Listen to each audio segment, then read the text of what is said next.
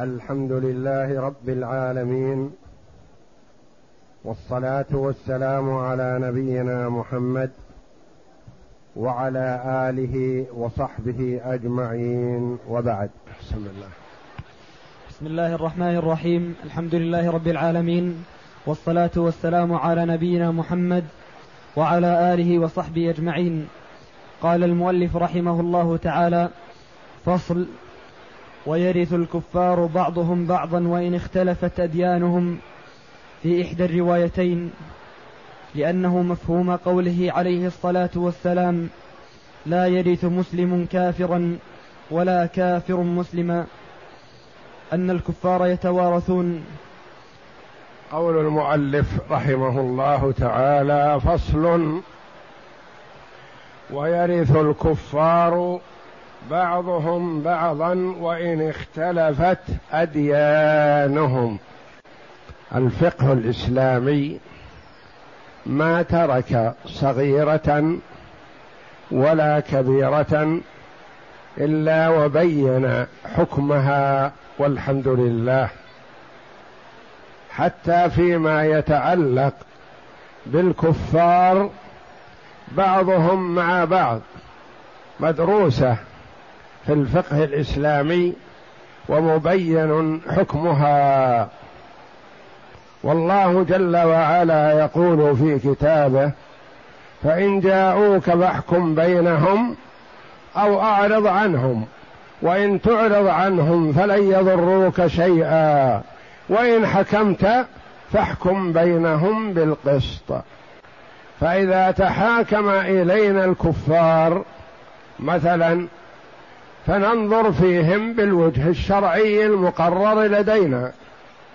وإن كانوا في الذمة فهؤلاء ملزمون بالرجوع إلينا. إذا دخلوا بلادنا بأمان أو أعطيناهم الأمان في بلادهم أو أسلموا على بلادهم يعني رغبوا في أن يكونوا في ذمة المسلمين فإنا نحكم بينهم بما في شريعتنا. ولذا قال المؤلف رحمه الله تعالى ويرث الكفار بعضهم بعضا وإن اختلفت أديانهم.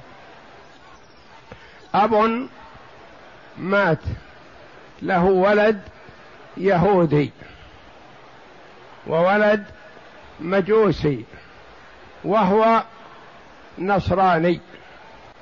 كيف نورث هؤلاء من أبيهم؟ هو على ملة وأحد أولاده على ملة والآخر على ملة أخرى والزوجه على ملة ثالثة وهكذا. الرواية عن الإمام أحمد رحمه الله أن نورث بعضهم نورث بعضهم من بعض.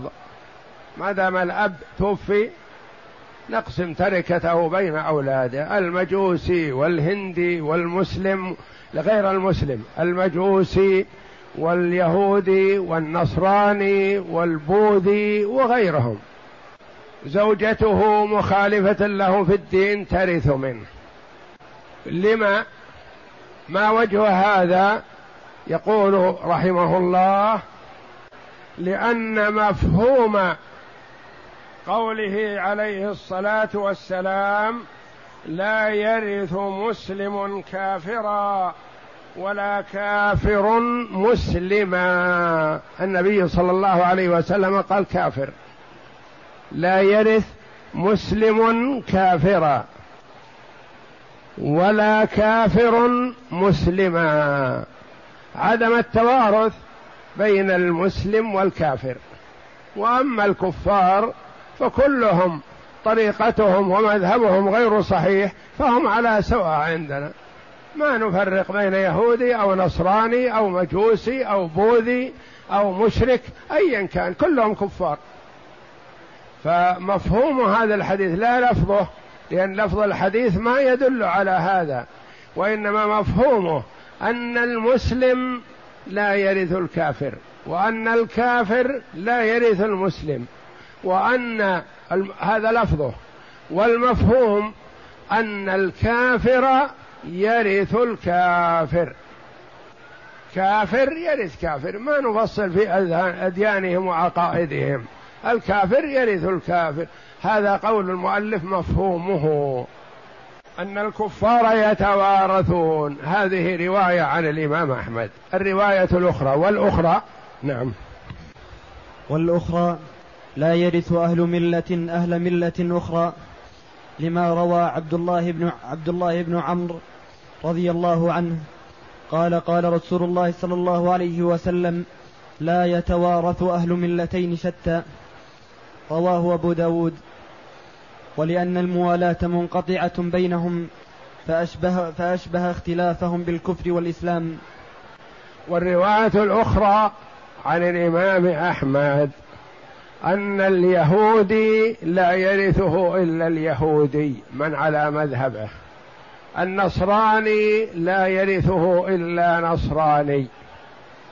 المجوسي لا يرثه إلا مجوسي. المشرك لا يرثه إلا مشرك. لما؟ لما روى عبد الله بن عمرو بن العاص رضي الله عنهما قال قال رسول الله صلى الله عليه وسلم لا يتوارث أهل ملتين شتى. من المعلوم أن اليهودية ملة والنصرانية ملة وأن المشركين ملة وأن المجوس ملة وأن عباد البقر ملة وهكذا. والنبي صلى الله عليه وسلم قال لا يتوارث أهل ملتين. هذا يشمل الحديث الأول وزيادة. لا توارث بين أهل ملتين يعني مسلم لا يرث يهودي. يهودي لا يرث مسلم. كذلك الأديان الأخرى. الأديان الأخرى سواء كانت أديان أصلها سماوية ونسخت مثل اليهودية والنصرانية الذين نسميهم أهل الكتاب. لأنهم في الأصل كان لهم كتاب واليهودية نبيها موسى على نبينا وعليه أفضل الصلاة والسلام ونزل عليه التوراة لكن ببعثة محمد صلى الله عليه وسلم نسخت اليهودية. النصرانية نبيها عيسى على نبينا وعليه أفضل الصلاة والسلام لكن ببعثة محمد صلى الله عليه وسلم نسخت ونزل عليهم الإنجيل كتاب الله. وهم الله جل وعلا حكيم عليم. يعلم ازلا أن التوراة لا تبقى وأن الإنجيل لا يبقى ينسخان. فامتدت إليه أيد اليهود وحرفت بالتوراة. وامتدت أيد النصارى على الإنجيل وحرفت في الانجيل لحكمة يريدها الله جل وعلا. فنسخت هذه كلها ببعثة محمد صلى الله عليه وسلم. يقول عليه الصلاة والسلام والله لا يسمع بي يهودي ولا نصراني ثم لا يؤمن بي إلا كان من أهل النار. ويقول لعمر رضي الله عنه أفي شك أنت يا ابن الخطاب؟ والله لو كان أخي موسى حيا ما وسعه إلا اتعاب إلا اتباعي. عمر رضي الله عنه أتى بصحيفة من التوراه مسرور بها لأن فيها كلام حق يمكن. فسر بها فأتى بها إلى النبي صلى الله عليه وسلم. فالنبي تغيظ وجهه. يعني ما نحن في حاجة إلى التوراه ولا إلى الإنجيل ولا إلى شيء ما. جاء بها عليه الصلاة والسلام بيضاء نقية واضحة مثل وضوح الشمس وأكثر. أفي شك أنت يا ابن الخطاب؟ يعني يوم تجيب لي التوراة أو صحيفة من التوراة والله لو كان أخي موسى حيا ما وسعه إلا اتباع. يترك التوراة ويترك الإنجيل ويرجع إلى محمد صلى الله عليه وسلم. وعيسى على نبينا وعليه أفضل الصلاة والسلام نؤمن بأنه ينزل في آخر الزمان. عيسى ما مات مرفوع إلى السماء عليه الصلاة والسلام. فهو ينزل في آخر الزمان ويحكم بماذا؟ بالإنجيل؟ لا والله وإنما يحكم بالقرآن. يحكم بالقرآن عليه الصلاة والسلام. فهو في آخر الزمان ينزل ويحكم بالقرآن. فنسخ الله جل وعلا التوراة والإنجيل ببعثة محمد صلى الله عليه وسلم ونزول القرآن عليه. ثم إن الله جل وعلا لما أراد للقرآن البقاء والاستمرار إلى آخر الزمان حفظه. ما وكل حفظه إلى غيره.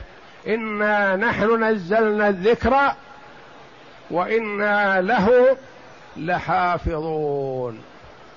فهو بأيدينا والحمد لله كما نزل على محمد صلى الله عليه وسلم بحفظ الله جل وعلا له. مهما حاول محاول أن يزيد أو ينقص أو يتلاعب هيأ الله له جل وعلا من يقف في نحره ويرد كيده في نحره. يقف له ويرد كيده في نحره. ما يستطيعون. يهيئ الله جل وعلا وقد يكون المهيئ هذا ظالم. وقد يكون فاسق. وقد يكون كذا وقد يكون كذا. يهيئه الله جل وعلا لرد الباطل لأن قلوب العباد بين أصبعين من أصابع الرحمن. ذكر المؤرخون رحمهم الله أنه كان في أحد الأزمنة جاء إنسان متحذلق فصيح بليغ أوتي فصاحة وبلاغة جاء إلى الوالي وقال القرآن فيه آيات مكررة ويصعب حفظه بهذه الآيات. أنا عملت قرآن ما في شيء مكرر. حذفت المقرر أبعدته وهيأته سهل سهل حفظه. لا يتشابه. قال أعطنا ما فعلت. فجاب القرآن حذف الآيات المكررة منه وناوله إياه. قال هذا الذي صنعت نعرضه على العلماء. فإن أقروا فبها ونعمت. وإن لم يقروه رددناه. لكن قبل كل شيء نريد أن نطبق ما فعلت أنت على نفسك. نريد أن نطبق أنت أحق وأولى من يطبق عليه هذا. فيك يدان.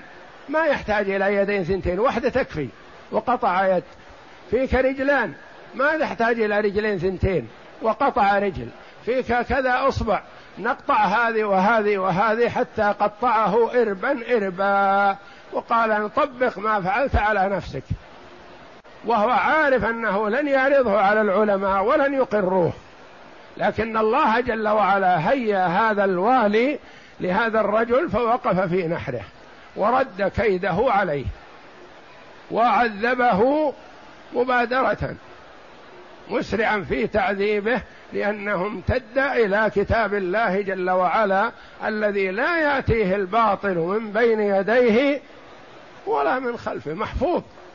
محفوظ بحفظ الله جل وعلا. ومما ذكر المؤرخون أن شخصا متعلم ومتأدب وعنده شوط من العلم. قول ما أدري اليهودية أحسن أم النصرانية أحسن أم الإسلام أحسن. لكن أريد أن أنظر في كتبهم. فجاء بالتوراة وهذبها وحذف وزاد ونقص وعدلها وطبعها طباعة حسنة وعرضها في الأسواق. فطار الناس بها واشتروها اليهود. هذه توراة جديدة هذه حسنة. قال خير. جاء إلى الإنجيل وفعل به مثل ذلك. فعرضه في السوق فطار به النصارى. وقالوا هذا إنجيل حسن طباعته حسنة ومرتب وكذا وكذا لكنه ملعوب فيه. فجاء إلى القرآن وتلاعب به وحسن طباعته وورقه وهيأه وجعله كالمرآة مظهره وعرضه في الأسواق. فتصفحه أول متصفح فإذا هو في زيادة ونقص فقذفها عليه. ثم الآخر ثم الآخر ثم الآخر ثم بقيت عنده. ما وجد لها رواجا لأن من اطلع على التلاعب ردها ما يريدون القرآن يتلاعب فيه. فعرف بهذا أن القرآن محفوظ بحفظ الله جل وعلا وأسلم وأن التوراة والإنجيل ملعوب فيها وهذا هو الواقع. والتوراة والإنجيل تلاعب بها اليهود والنصارى لأن الله جل وعلا وكل حفظها إليهم. ما تكفل جل وعلا بحفظها لأنه يريد نسخها. وهم كما قال الله جل وعلا بما استحفظوا من كتاب الله. استحفظ أهل الكتاب على كتابهم فضيعوه. وتكفل بحفظ القرآن بقوله تعالى إنا نحن نزلنا الذكر وإنا له لحافظون.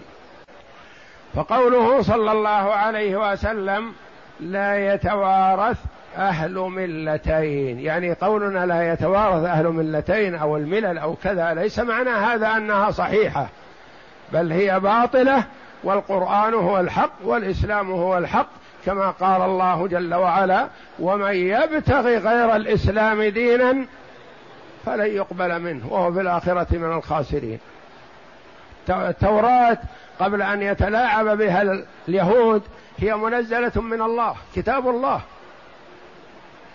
الإنجيل كتاب الله وكلام الله جل وعلا قبل أن يتلاعب به النصارى. أما بعد ما تلاعبوا فأمرنا النبي صلى الله عليه وسلم الا نصدق أهل الكتاب ولا نكذبهم في موضوع التوراة والإنجيل لأن محتمل نصدقهم في إذا قال لنا اليهودي مثلا هذه آية من التوراة تؤمنون بها؟ نقول نؤمن بالتوراة ولا نقول بها هذه الآية شيء. قال لنا النصراني هذه آية من الإنجيل تؤمنون بها؟ نقول نؤمن بالإنجيل لأنه كلام الله ونزل من الله جل وعلا.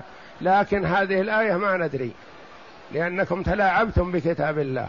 ولذا قال النبي صلى الله عليه وسلم لا تصدقوا أهل الكتاب ولا تكذبوهم. ما نصدقهم لأنه يكون ربما يعرضون علينا آية متلاعب بها فكيف نصدقهم فيها؟ ولا نكذبهم لأنهم ربما يعرضون علينا آية من كتاب الله من التوراة أو من الإنجيل محفوظة. فما يسوق لنا أن نكذبهم ونحن لا ندري. وإنما نقول لهم كما قرر أهل السنة والجماعة بأن موقفنا من الكتب السماوية نقول التوراة والإنجيل والزبور هذه كلام الله. نزلت التوراة على موسى نزل الإنجيل على عيسى نزل الزبور على داود عليهم الصلاة والسلام. نؤمن بها إجمالا بدون تفصيل. ما نقول هذه الآية أو هذه السورة من الزبور أو من الإنجيل هذه حق؟ لا. نقول نؤمن بالتوراة والإنجيل والزبور أنها منزلة من الله جل وعلا بدون تفصيل. أما القرآن العظيم فنؤمن به جملة وتفصيلا بأنه كلام الله جل وعلا ومحفوظ من الزيادة والنقص. لا يأتيه الباطل من بين يديه ولا من خلفه. نؤمن بالقرآن تفصيلا.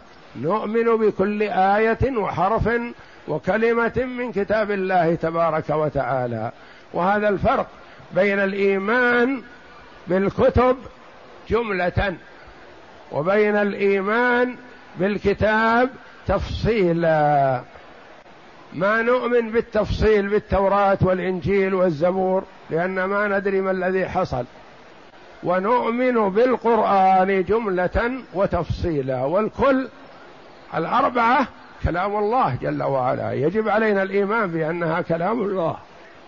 والله تكلم بالتوراة وتكلم بالإنجيل وتكلم بالزبور وتكلم بالقرآن وأنزل كل كتاب على نبيه ورسوله صلى الله عليه وسلم ونؤمن بها جملة لا تفصيلا فالملل ملل منها ملل سماوية منسوخة كالتوراة كاليهودية والنصرانية منسوخة.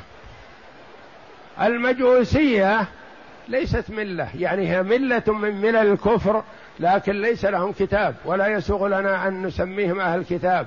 وإنما جاءنا عن نبينا صلى الله عليه وسلم أنه قال في المجوس سنوا بهم سنة أهل الكتاب. سنوا بهم سنة أهل الكتاب. المجوس إذا أراد أن يدخل البلاد بأمان ندخله بأمان. إذا آه، أراد الذمة نعطيه الذمة. لأن النبي صلى الله عليه وسلم قال سنوا بهم سنة أهل الكتاب. وأما المشركين فلا. فلا نعطيهم الذمة والأمان الدائم وإنما إن أراد الدخول ليسمع الإسلام ويتعلم الإسلام ثم يقرر رأيه ما يخالف نعطيه.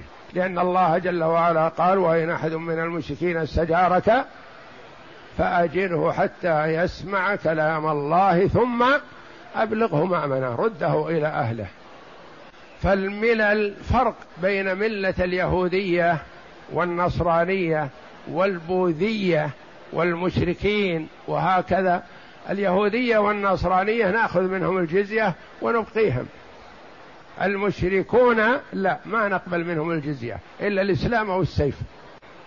فحديث عبد الله بن عمرو بن العاص رضي الله عنهما لا يتوارث أهل ملتين. رواية أخرى عن الإمام أحمد يقول اليهودي لا يرث النصراني. النصراني لا يرث المجوسي. المجوسي لا يرث المشرك. وهكذا. رواه أبو داود. ولأن الموالاة منقطعة بينهم. ما في مودة بينهم. اليهودي يبغض النصراني. عندهم عداوة شديدة بعضهم لبعض. إلا أنهم يتفقون جميعا في عداوة الإسلام والمسلمين. وإلا هم فيما بينهم شديد العداوة.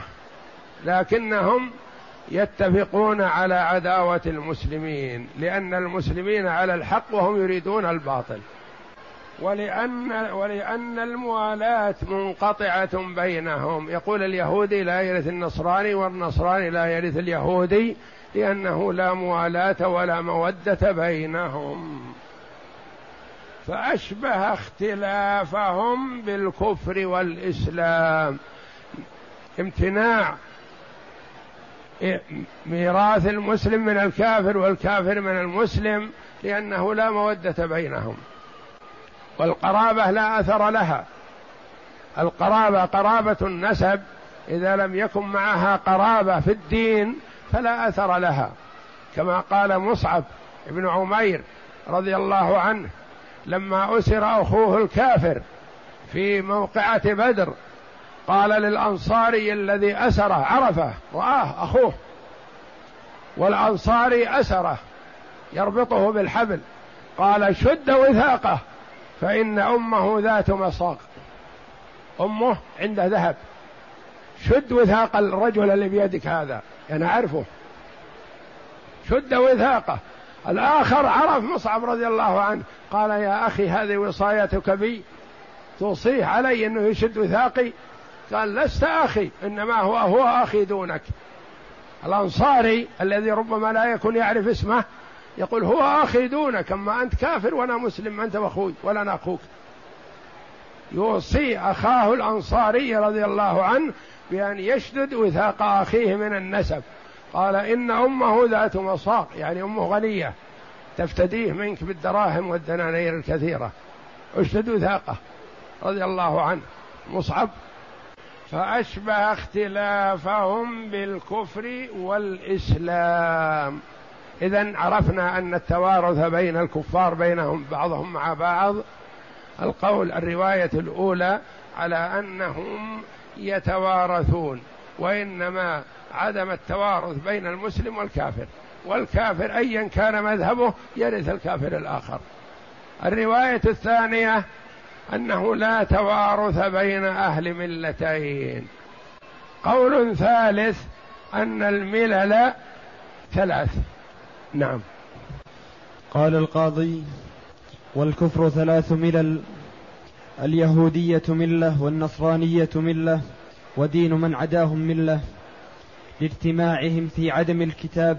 يقول القاضي رحمه الله قاضي أبو يعلى إمام من أئمة الحنابلة رحمة الله عليه. إذا جاء القاضي في المذهب الحنبلي فالمراد به القاضي أبو يعلى رحمه الله. وإذا جاء القاضي في الحديث فالمراد به القاضي عياض. كثيرا ما يقول النووي رحمه الله يقول القاضي كذا في تفسير الحديث وكذا فالمراد به القاضي عياض. يقول رحمه الله والكفر ثلاث ملل. الكفر ثلاث ملل. اليهودية ملة لأن لهم كتاب. والنصرانية ملة لأن لهم كتاب. وباقي أنواع الكفر من عباد البقر وعباد النجوم وعباد الشمس وعباد الملائكة وعباد الأصنام كلهم ملة واحدة. قال لأن الأولين أهل كتاب والآخرين ليس لهم كتاب وإنما هم مشركون يجتمعون في الشرك لكن تنوعوا في هذا مثل ما كانوا في كفار قريش. هذا يعبد لوح وهذا يعبد جدار وهذا يعبد شجرة وهذا يعبد صنم كذا وهكذا كلهم مشركون. وكلهم كفار لكنهم تنوعوا في عبادتهم. يقول القاضي رحمه الله الكفر ثلاث ملل. الكفر وهم الملل السماوية ثلاث لا الكفر ثلاث ملل. اليهودية ملة والنصرانية ملة سائر المشركين ملة. معنى هذا أن اليهودي يرث النصراني؟ لا. أن النصراني يرث المجوسي؟ لا. أن المجوسي يرث المشرك نعم. المجوسي يرث المشرك لأن مجوسي ومشرك كلهم ما عد من عدا أهل الكتاب. عباد النجوم يرثون عباد الملائكة؟ نعم. عباد البقر يرثون عباد الشمس؟ نعم. هذا على رأي القاضي أبي يعلى. قال القاضي قال القاضي والكفر ثلاث ملل اليهود انتبه. ما هم قصده يقول الملل ثلاث. الكفر ثلاث ملل. نعم. اليهودية ملة والنصرانية ملة ودين من عداهم ملة. دين من عداهم من مشركين وعباد أيا كان معبودهم من دون الله. نعم. لاجتماعهم في عدم الكتاب. لاجتماعهم اللي هم ما عدا أهل الكتاب لاجتماعهم في كونهم لا كتاب لهم. المجوس ما عندهم كتاب. المشركون ما عندهم كتاب. عباد الشمس عباد البقر عباد النجوم عباد الملائكة كلهم ما عندهم كتاب. فكلهم ديانتهم واحدة. نعم.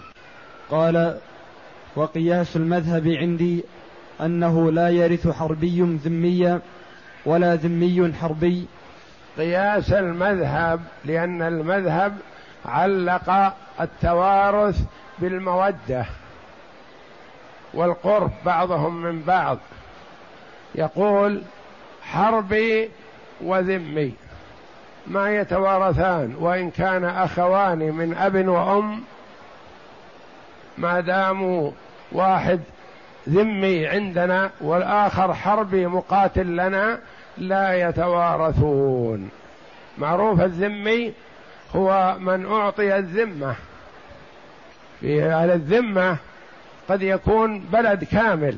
مثلا يغزو المسلمون بلاد الكفر مثلا ففيهم نصارى. فيرغب النصارى أن يدفعوا الجزية للمسلمين. وأن يكونوا في حماية المسلمين ويستمرون على ديانتهم. فنعطيهم الأمان ونأخذ منهم الجزية كما قال الله جل وعلا عن يد وهم صاغرون ونحميهم. ونحمي أموالهم وأعراضهم ولا أحد يتعرض لهم بسوء. هذا يسمى ذمي. من قتل معاهدا لم يرح رائحة الجنة. دخل البلاد بأمان وعهد فهذا ذمي. واحد آخر محارب محارب. المحارب متى ما ظفرت به اقتله واسلب ماله واسترق أولاده وأهله. لأنه حربي محارب لنا معلن العداوة.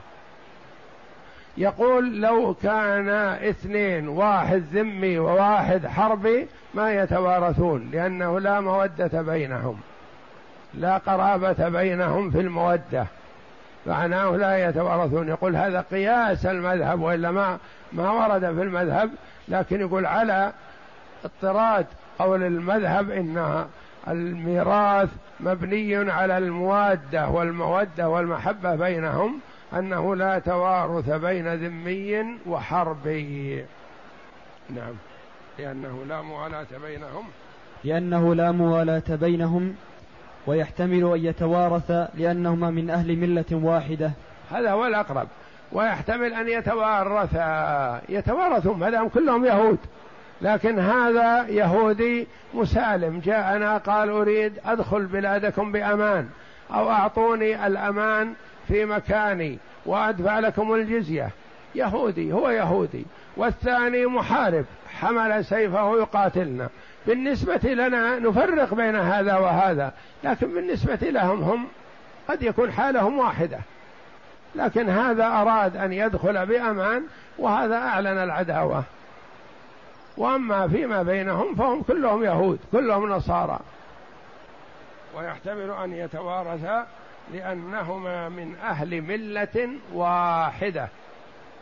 إذا تلخص لنا في المسألة ثلاثة أقوال.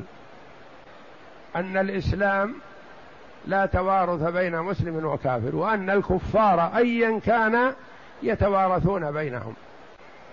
القول الثاني أن ملل الكفر ثلاث. ما في توارث بين هذه الثلاث وايا كانوا يتوارثون غيرهم. شيوعي مثلا دهري مشرك عباد البقر عباد الشمس عباد الملائكة كلهم مذهبهم واحد يتوارثون فيما بينهم. يهودي ما يرث نصراني نصراني لا يرث يهودي.